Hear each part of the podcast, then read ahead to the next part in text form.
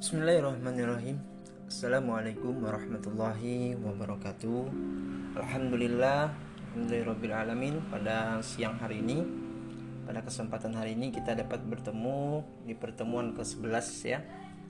Atau pertemuan ke-12 di silabus kita. Karena kembali Bapak ingatkan Kita final test sudah kita lakukan. Jadi ini pertemuan ke-12 Tapi absensi Eh final test apa? Absensi middle test Nanti kita uh, taruh di pertemuan ke-15 pertemuan ke-16 kita final pertemuan ke-14 itu kita refleksi atau evaluasi perkuliahan kita. Adapun hari ini di pertemuan ke-12 ini yaitu mengenai tema aliran-aliran filsafat pendidikan. Nah, di sini memang sedikit ini ya, sedikit mengulas pemikiran kita karena bahasanya ini karena bahasanya uh, sedikit ini misalnya ada aliran progresivisme, aliran esensialisme, aliran perennialisme dan aliran rekonstruksionalisme. Ini memang sudah kita pernah bahas uh, di pengantar filsafat, tetapi ini berkenaan dengan filsafat pendidikan. Nah, yang di mana di pertemuan ini kita diwakili oleh kelompok uh, eh, 8 yaitu ada saudara Yogal Khusairi dan juga ada saudari Toibah dan ada Siti Nurhalisah tidak lupa Bapak ucapkan terima kasih kepada pemateri, pemateri khususnya dan juga kawan-kawan yang sudah memberikan uh, pertanyaan-pertanyaan dan juga uh, tanggapan dari kawan-kawan yang sudah kiranya menambahkan sebagai uh, pertanggungjawaban bahwa hadir di pertemuan pertemuan ini yaitu dengan tema aliran-aliran filsafat pendidikan. Oke, di mana sebelumnya? Seperti sebelumnya kita setelah kita sampaikan materinya kita kembali uh, membacakan atau pertanyaan-pertanyaan yang sudah terekam di Google Classroom.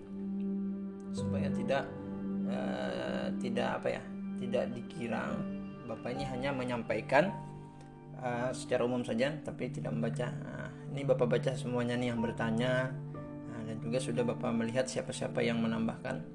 Artinya sebagai bukti bahwa absensi kita terisi. Nah, adapun kelompok bertanya pertama diwakili oleh Saudara Abdurrahman di mana di sini bertanya perihal aliran-aliran yang ada dalam filsafat pendidikan. Kita tahu bahwa setiap aliran memiliki landasan, kelebihan dan kekurangan masing-masing. Nah, pertanyaan saya, aliran apa yang sering digunakan atau dipakai dalam filsafat pendidikan dan mengapa aliran itu sering dipakai? Oke, kemudian perwakilan dari kelompok dua itu ada saudari Rismayanti. Apakah aliran-aliran filsafat pendidikan memiliki landasan-landasan tertentu? Nah, jika ada sebutkan dan jelaskan. Kemudian pertanyaan dari so, uh, kelompok tiga itu diwakili oleh Davina Juliani Putri. Bagaimana mengaplikasikan aliran-aliran filsafat pendidikan dalam kehidupan sehari-hari? Oke. Kemudian ada kelompok empat itu ada saudari Rizky. Apakah yang menjadi landasan filsafat esensialisme? Perwakilan kelompok 5 ada saudari Kartika Novi Astuti di sini bertanya, jelaskan pengaruh aliran esensialisme dalam perkembangan pendidikan. Kemudian juga ada saudari Lisnor Ajizah, perwakilan kelompok 6 dalam melaksanakan teori-teori yang uh, pendidikan yang telah dijelaskan. Bagaimana cara menentukan teori tersebut agar bisa digunakan ke peserta didik dan sesuai dengan kebutuhan mereka. Oke, dan juga ada pertanyaan dari saudari Lailatul Hasanah, perwakilan dari kelompok 7 menanyakan dalam ciri-ciri aliran progresivisme. Salah satunya adalah anti terhadap otoritarianisme dan absolutisme. Nah, apa yang dimaksud dari pernyataan tersebut? Oke, dan juga perwakilan dari kelompok 9 itu ada Khairunisa Aulia Pratiwi menanyakan bagaimana keterkaitan antara aliran-aliran filsafat dengan pendidikan. Oke. Dan pertanyaan terakhir diwakili oleh saudari Rohayati Zakiyah perwakilan kelompok 10 di sini bertanya, bisakah pemateri berikan contoh dari aliran-aliran filsafat pendidikan? Oke. Dari beberapa pertanyaan tersebut uh, sudah terjawabkan juga oleh kawan-kawan semuanya yang menambahkan sekalian. Jadi kembali di sini Bapak menyimpulkan uh, kita sadari bahwa jika kita kembali ke pangkal ke pangkal bahasan ya pembahasan di awal pembahasan kita maka renungan kita seolah-olah menelusuri hasil pemikiran ahli-ahli filsafat ya atau filsafat sepanjang masa baik itu filsafat secara umum maupun filsafat khususnya kita mata kuliah kita ini yaitu mengenai filsafat pendidikan. Sasarannya itu mengatasi permasalahan atau problema-problema hidup kita manusia di dunia ini karena kita memang dalam hidup dan kehidupan terus uh, melekat dengan yang namanya problematika baik sebagai individu maupun sebagai anggota masyarakat. Nah, ini nanti akan kalian rasakan di saat sudah selesai menempuh menempuh pendidikan. Untuk saat ini masih merasakan problematika individu, artinya masih sendiri nih. Nah, tapi nanti kalau kita sudah selesai, uh, memang kita belajar bermasyarakat ya di kampus ini juga dengan teman-teman. Tapi sangat beda rasanya kita ketika kita sudah kembali ke dunia nyata. Dalam artian ke dunia nyata itu setelah kita selesai perkuliahan habis kita kembali ke sosial bermasyarakat. Nah, di situ sangat berbeda rasanya apa yang sudah kita laksanakan di perkul apa di waktu kita saat kita kuliah. Kita berorganisasi, berorganisasi apa saja ini itu kita ikuti. Tetapi ketika kita sudah terjun ke masyarakat nah itu nanti ada eh, namanya KKN ya. Nah di situ kita ke tempat orang lain bagaimana kita bersosial.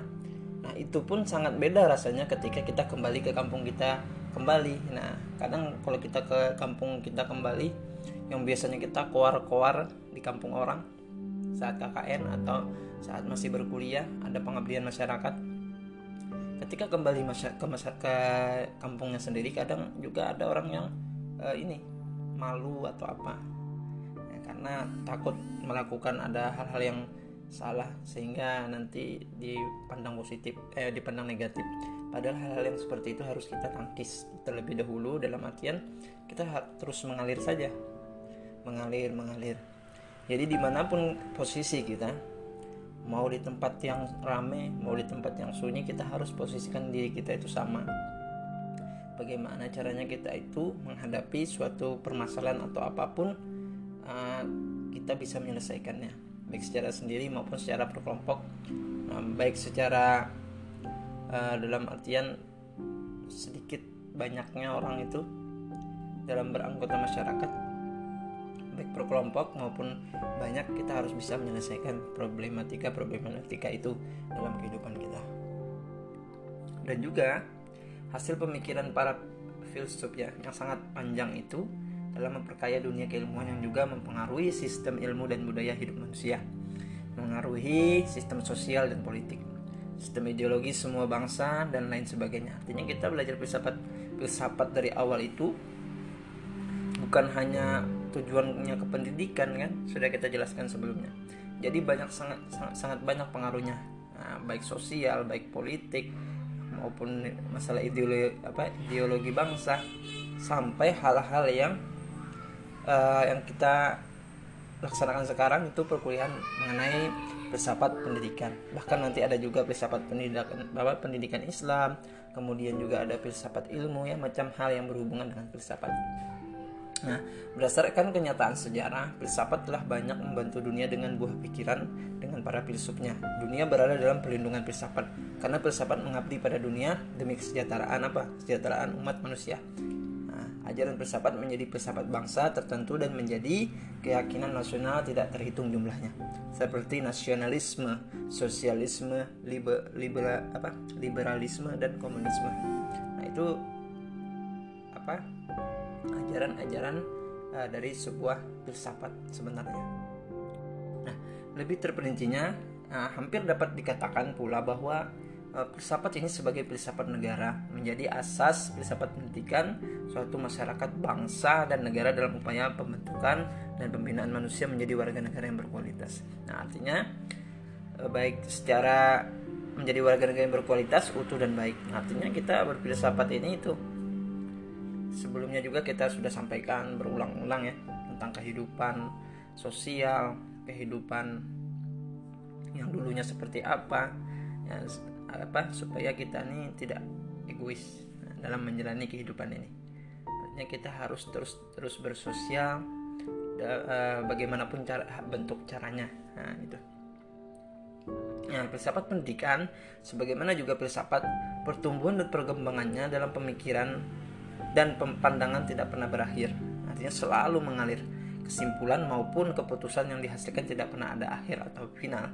Nah, filsafat pendidikan ini memberikan jawaban terhadap problem yang menantang manusia yaitu jawaban atas ketidaktahuan tentang sesuatu. Bentuk dan wujud reaksi, kreasi, pemahaman, gagasan mengenai prinsip dan cita-cita pendidikan tersimpul dalam pokok ajaran aliran-aliran filsafat pendidikan. Dan juga karena apa? Karena telah banyaknya aliran filsafat pendidikan nah, yang sudah kita cantumkan di silabus itu ya, yang tumbuh dan berkembang, maka jika kita mengamati secara mendalam ada perbedaan dari segi teori dan praktik, ya kan? Pasti itu jelas, sangat jelas. Apalagi yang sudah dipaparkan oleh pemateri uh, dan kita bisa lihat juga di berbagai macam literatur ya atau referensi yang bisa kita baca sangat banyak sekali aliran-aliran filsafat pendidikan itu nah yaitu ber berbeda dalam cara dan dasar pandangannya mengenai pendidikan. Perbedaan-perbedaan itu hanya dapat diketahui setelah dilaksanakan penelitian oleh ahli para ahli secara berhati-hati dan mendalam berdasarkan kelas apa klasifikasi yang ada. Nah itu tadi. Kita silahkan uh, buka kembali referensi-referensi yang ada. Di situ sudah banyak sekali uh, berbagai macam aliran. Yang mana uh, macam aliran itu terkadang juga ada yang tumpang tindih ya. Sebenarnya maksud dan tujuannya sama tapi mereka tetap uh, apa mempertahankan pemahaman mereka masing-masing. Padahal tujuannya itu sama bahwa filsafat pendidikan tuh begini begini begitu tetap pada ciri khas dari itu semuanya sama tujuan utamanya. Hanya mereka menampik bahwa uh, apa namanya nih bahwa yang benar itu adalah pemahaman dari saya karena saya sudah mengal ma, apa meneliti seperti halnya aliran-aliran ini. Tetapi yang berlawanan pun begitu juga sehingga tidak selalu makanya tadi filsafat itu selalu memberikan jawaban tetapi jawabannya itu tidak akan pernah selesai-selesai. Selalu ada saja. Di antaranya itu kan ada aliran progresivisme kemudian juga ada aliran uh, apa macam-macam ya ada aliran aliran esensialisme kemudian ada aliran perennialisme. Kemudian ada ciri-ciri utama dan progresivisme itu sudah disampaikan juga kawan-kawan. Ada juga progresivisme dan perkembangannya. Nah, progresivisme dan pendidikan modern saat ini. Uh, kemudian juga ada ciri-ciri utama aliran esensialisme. Kemudian ada pola dasar pendidikan esensialisme. Juga ada ciri-ciri utama aliran perennialisme dan prinsip-prinsip pendidikan perennialisme dan ada aliran rekonstruksionalisme. Jadi dari berbagai aliran ini sudah Bapak sebutkan sebelumnya, mereka sebenarnya tujuannya itu adalah sama-sama ingin uh, menitik beratkan kepada apa sih sebenarnya filsafat pendidikan itu. Walaupun mereka dengan berbeda pendapat, berbeda pendapat, tetapi tujuan mereka itu sama sebenarnya. Kalau kita lihat dari Eh, pengertian-pengertian yang ada.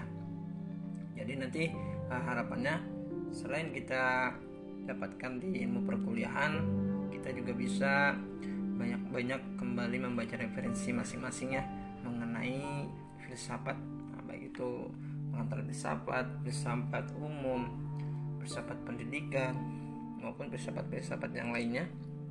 Teruslah kita mengasah kemampuan kita nah, khususnya dalam apa membaca ya. Makanya bapak memang perkuliahannya ini secara ini secara tidak langsung banyak-banyak membaca nah, itu intinya sebenarnya. Tapi tidak masalah yang penting kita menambah pengetahuan kita. Kalau ada yang kurang dimengerti kurang dipahami bisa ditanyakan ke orang yang memang bisa menjawab hal yang seperti demikian misalnya bertanya mengenai uh, filsafat pendidikan apa kemudian tujuannya apa kita pelajari ini. Memang inilah yang uh, apa dari berbagai macam aliran-aliran ini di sinilah kita bisa melihat. Dari dulu orang itu memang sudah banyak yang berbeda pendapat tetapi sebenarnya mereka itu tujuannya sama. Nah, apalagi kita lihat di zaman sekarang ya kan orang banyak menilai eh, hal-hal uh, yang sudah pasti itu apa negatif jelas negatif. Tapi di samping itu ternyata ada juga orang yang berpikir bahwa yang dilakukan orang itu positif. Nah beginilah kehidupan kita sekarang. Jadi kita tinggal uh, bisa bisa menerima mencerna apa tabayun ya bahasanya. Tabayun kalau ada suatu berita atau apa pun itu bisa bisa kita mencerna. Artinya jangan sampai kita terprovokasi untuk ikut andil mengikuti hal-hal yang sebenarnya itu belum tentu kejelasannya. Jadi kita sama-sama belajar dari berbagai macam aliran ini. Begitu juga dengan aliran-aliran apa?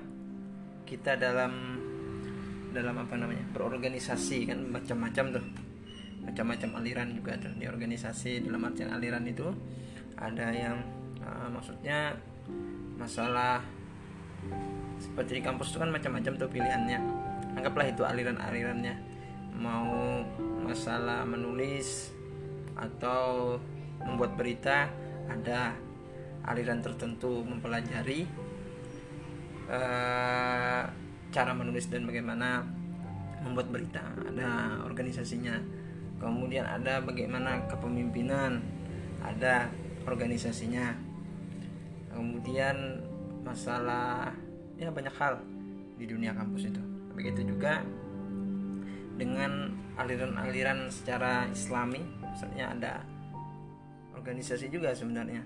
Ada NU ada Muhammadiyah ada LSIS dan segala macam. Tapi itu tidak menjadikan uh, apa ya perbedaan yang ini membuat hal-hal yang jadi kita sebenarnya ada ulama mengatakan bahwa dari perbedaan itulah kita menjadi satu gitu. Kalau kita sama-sama terus kan kita artinya tidak menambahkan kepahalaan kita. Jadi kita dengan kita berdebat dengan kita apa segala macam tapi kalau tujuannya sama itu akan mengalirkan pahala juga sebenarnya seperti itu.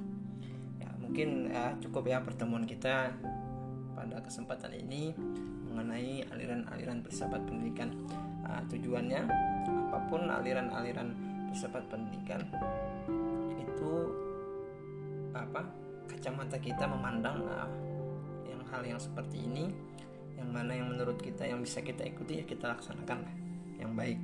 Kalau yang negatif yang menurut kita tidak baik menurut kacamata kita silakan kita berkaca ke diri kita juga ke diri kita sendiri masing-masing silakan ambil yang positifnya. Yang negatifnya itu adalah sebagai pembelajaran kita. Sama-sama. Untuk itu mari kita tutup perkuliahan kita dengan sama-sama mengucapkan alhamdulillah. Alhamdulillah alamin. Assalamualaikum warahmatullahi wabarakatuh